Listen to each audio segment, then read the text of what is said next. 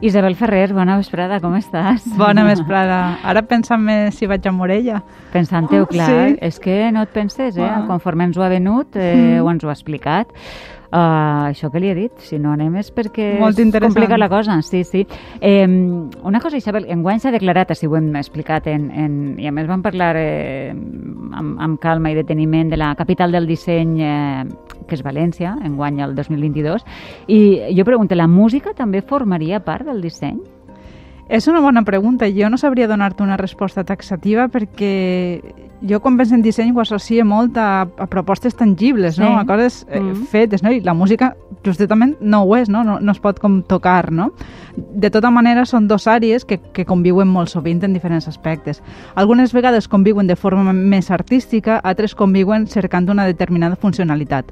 I avui anem a veure algunes d'aquestes felices coincidències entre música i disseny i altres que també ho són de felices però tenen un caràcter més pràctic, eh? no tan artístic. Ja, mira, jo sí penso en, la relació entre música i disseny, sobretot mm, penso en els discos, no? En les eh, portades dels discos. Sí, sí, de fet, eh, si, si googleges, que és un verb que, que ja deu estar acceptat, eh, música i disseny apareixen multitud d'articles que parlen d'esta relació entre el disseny i la música a través de les portades de disc. D'entre tot el que ens expliquen és un poc di difícil distingir entre el gra i la palla, però m'ha agradat perquè alguns ens donen pistes sobre quins són els factors que s'haurien de tindre en compte per a crear una bona imatge per a un projecte musical. I això a mi em resulta interessant perquè per molt que la música siga només so, avui en dia és impossible separar-la de tot l'entramat gràfic que va en vídeo, xarxes socials, webs, tot este món del, del Mm, disseny, en definitiva. Clar, ja ho diuen, no? Que una imatge val més que mil paraules, encara que les paraules vagin amb música. Exacte, exacte. Eh, primer de tot vull referir-me a un aspecte bàsic que afecta a tot el món del disseny eh, per a parlar d'això de les portades. Eh? En principi, quan parlem de disseny, no només estem fent referència a allò artístic. Un bon disseny, la primera cosa que cal que tingui en compte és preservar la funció de l'objecte que està dissenyat. Allò que compres alguna cosa un disseny un poc més i dius molt bonic, però si la funcionalitat no, Ja. la partes, no? Doncs la primera és la funcionalitat. En el cas de la música, les primeres portades de discs tenien la funció de protegir-los, identificar-los i transportar-los. I tota la resta de coses havien d'estar supeditades a aquestes funcions de, diguem, l'embalatge de la música.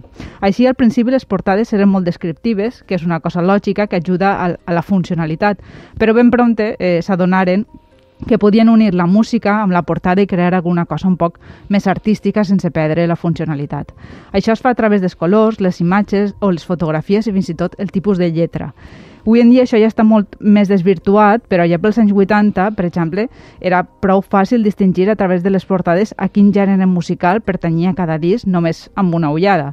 És un poc el que avui en dia anomenem identitat visual, que no és l'hem Sí. inventat nosaltres, sinó que ja, és més venia, antiga. I tant que sí. O sigui que cada gènere musical no tenia com uns trets que ens feien eh, doncs, distingir-lo fàcilment de la resta. Sí, sí, sí. Per exemple, eh, si parlem de clàssica, els discs solien ser molt així com de colors daurats, amb portades de quadres, en escenes campestres, bucòliques, amb marcs així com barrocs, no? De sempre. Eh, tot això avui en dia canvia molt, però sí que és cert que es mantenen com uns codis culturals que portem interioritzats units a la clàssica i això es transmet a la imatge. Aleshores, quan mirem una portada o disseny gràfic d'alguna música, aquestes idees encara entren en el joc i els dissenyadors ho saben.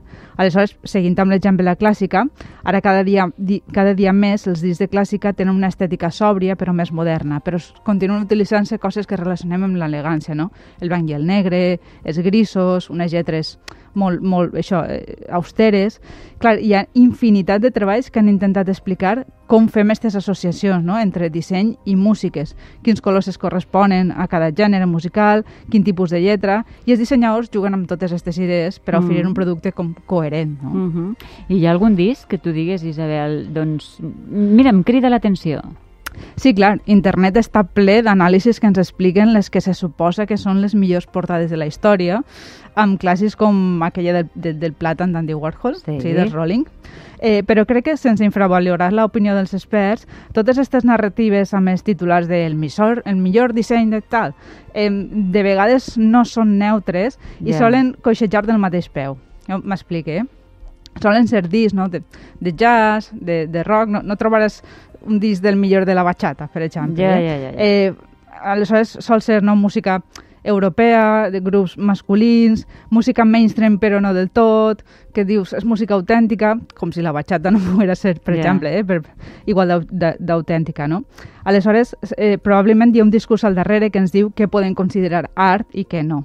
I casualment sol coincidir amb alguns trets que, que ja he explicat. Ja, ja, ja, ja. O sigui que hem de tindre també una bona mirada. No una bona mirada, vull dir que tot si ho mires amb deteniment i amb el discurs que coneixem darrere, doncs identifiques certes coses, no? Sí, es pot rascar i traure que Sí. també es pot aplicar a aquest sentit, no? Clar. Aleshores, a mi em sembla més divertit pensar quines són les portades que personalment ens criden més l'atenció independentment d'estos criteris socialment establerts. Vaig explicar-vos un cas real per a que vegeu un poc com pot funcionar això d'una forma un poquet més personal, subjectiva i, i divertida, no? Ahà. L'altre dia, en una conversa familiar, algú va esmentar la cançó de Ricky Astley i anem a posar-la, va. Dins Ricky Astley. Gonna give you up, never gonna let you down, never gonna run around and desert you, never gonna make you cry, never gonna sing. Escolta'm, que no, que no ens diguen que no posem grans èxits, eh? En pròxima parada, Isabel. Gran sexy, sí, sí, Sí. totalment. Eh, dir que la portada dels, dels D'este d'Andy? Warhol, sí, Ah. era de Velvet Underground, sí, no de Rolling. Però bé, ja, Ah. ens, hem, ens hem entès, no? Sí, ens hem entès, ens tot. hem entès. Uh, doncs bé, només escoltar a, a Ricky, eh, el meu cap em feu un salt a la infància i va recordar perfectament la portada d'un disc recopilatori que teníem a casa. Esta por portada era com d'un rosa fòsfor i portava com unes fotografies com retallades d'artistes que apareixien al recopilatori, entre ells esta, esta cançó. Jo crec que aquesta portada guanyaria un concurs de portades, però no de les millors por disseny, sinó el disseny més coent, Segurament. però la funcionalitat d'identificació amb una música desenfadada i de recordar-la la complia perfectament, no? Uh, no sé si, Susana, recordes alguna portada així? No, alguna que te perquè cridarà l'atenció? Mentre tu parlaves jo pensava i, i les que recorde totes són moltes molt evidents, que era la foto si hi havia, per exemple, un directe, no? que era, la, era un concert en directe i està la foto, jo què sé, recorde Entre Amigos, aquella que van fer, eh, però clar, les recorde perquè m'agradaven a mi, són les que jo escoltava, però no recorde per portada ninguna que me cridara especialment l'atenció. És un punk, no?, que abans Sí. eren menys conceptuals, potser, excepte algunes d'aquestes que, hem- que hem I comentat, algunes no? clàssiques, més no? descriptives. Sí, sí, però no, Mm. no, no recorde.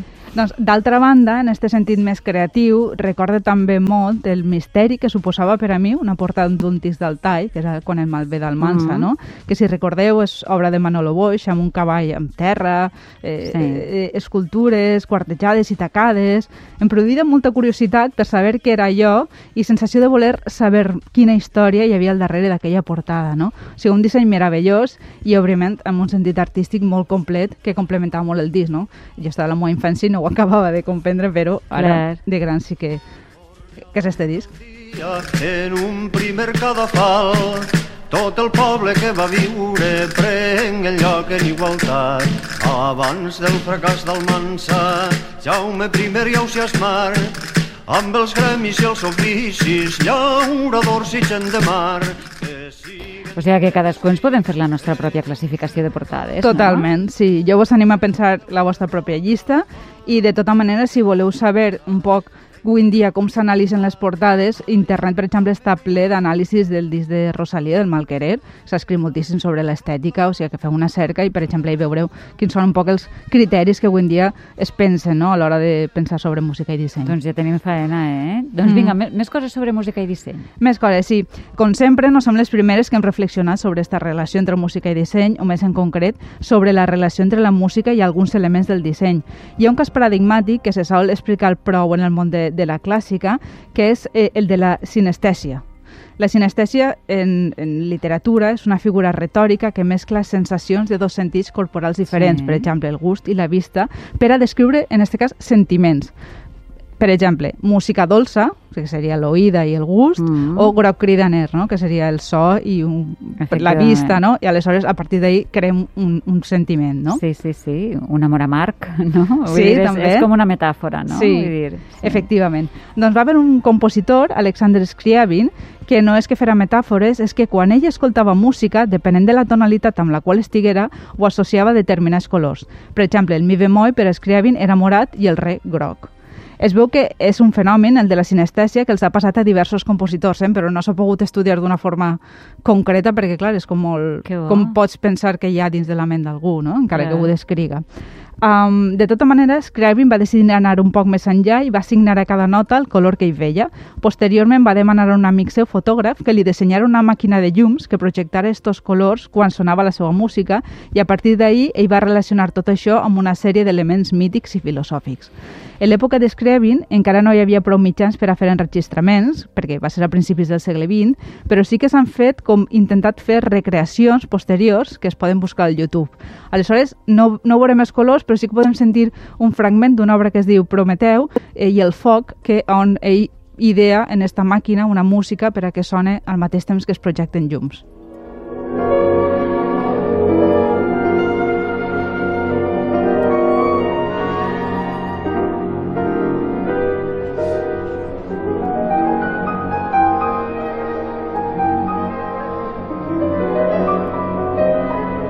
Això sona a roig.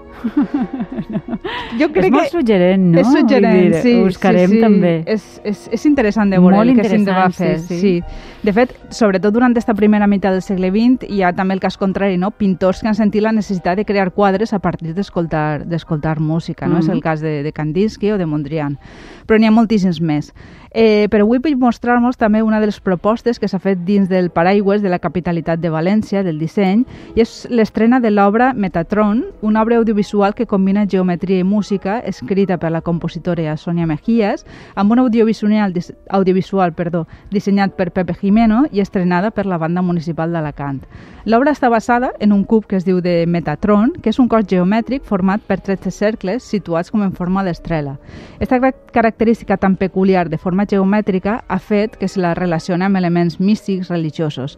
Com ens expliquen a la mateixa web de, de la capitalitat del disseny de València, el nom de Metatron ve de les creences judeocristianes que ho associaven amb l'arcàngel del mateix nom, que tenia la capacitat eh, d'exorcitar a Satan, no? per aquesta harmonia de, de l'element geo, geogràfic.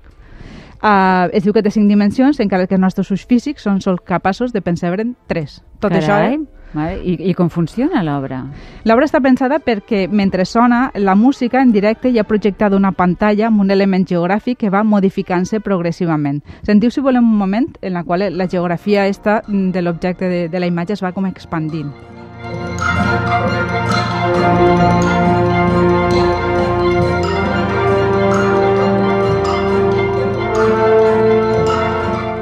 Mira, sona molt bé. És Això bonic podem de veure? Sí, sí, ho podem veure en algun lloc? En internet es pot veure, Ah, no sé bé, si en molt bé. directe ho tornaran a fer, però en internet està penjat. Que no és el mateix que el directe, però sí que es, es va veient. Mm. Mm. Um, què faríem, no?, sense les noves tecnologies? Tu saps Què quina faríem? barbaritat? Què faríem? de coses que es poden veure en internet i en, i en directe també, no? Eh, però encara que no, jo crec que les noves tecnologies ens han facilitat molt la vida, però també han revaloritzat les activitats manuals i també el disseny, no? I la bona funcionalitat, el gust, no?, per fer aquestes coses manuals bé. I això tot deia perquè una part important del disseny en la música és tot allò que afecta a l'ergonomia dels instruments, no? Abans hem escoltat al pianista d'Onda, uh, Sí. que explicava que toca com a mínim quatre vegades al dia. Doncs imagina si té dificultats. Clar. De fet, ara hi, hi ha clíniques especialitzades en malalties que s'associ- s'associen als músics per tot el tema de funcionalitat del cos i els instruments, no? Clar. Aleshores, per fer-hi front, hi ha tota una rama del disseny que estudia com millorar la qualitat d'aquesta activitat. Per exemple, des de les, de, d'entre les millores que he vist, una que m'ha cridat l'atenció és, pi, és pianos, no? que així com en mig cercle, com en corba, igual com els teclats de l'ordenador, que també hi ha com per a facilitar Ah. l'ergonomia. Encara no s'han desenvolupat ni sabem si triomfaran, Però, però, estan amb això. estan, estan provant coses. Doncs no li hem preguntat eh, a Fortunato Salvador García Piquer, el d'Onda, eh, Fortú, eh, si tenia un, un piano d'issos circulars, però estan provant-los encara, no? Molt Mm. bé. Doncs escolta'm, Isabel, que interessant, eh, com sempre, si més no. Jo també sóc més d'allò artesanal que no de la tecnologia, però reconec que gràcies a ella hem descobert i descobrirem moltíssimes coses molt interessants com aquestes que ens has explicat avui. Bona setmana, va dir-te bon cap de setmana, mira si correc. Bueno, sí, també. Bona També, setmana, bon cap tot. de setmana. Fins la setmana que ve. Gràcies. Fins la setmana vinent, adéu.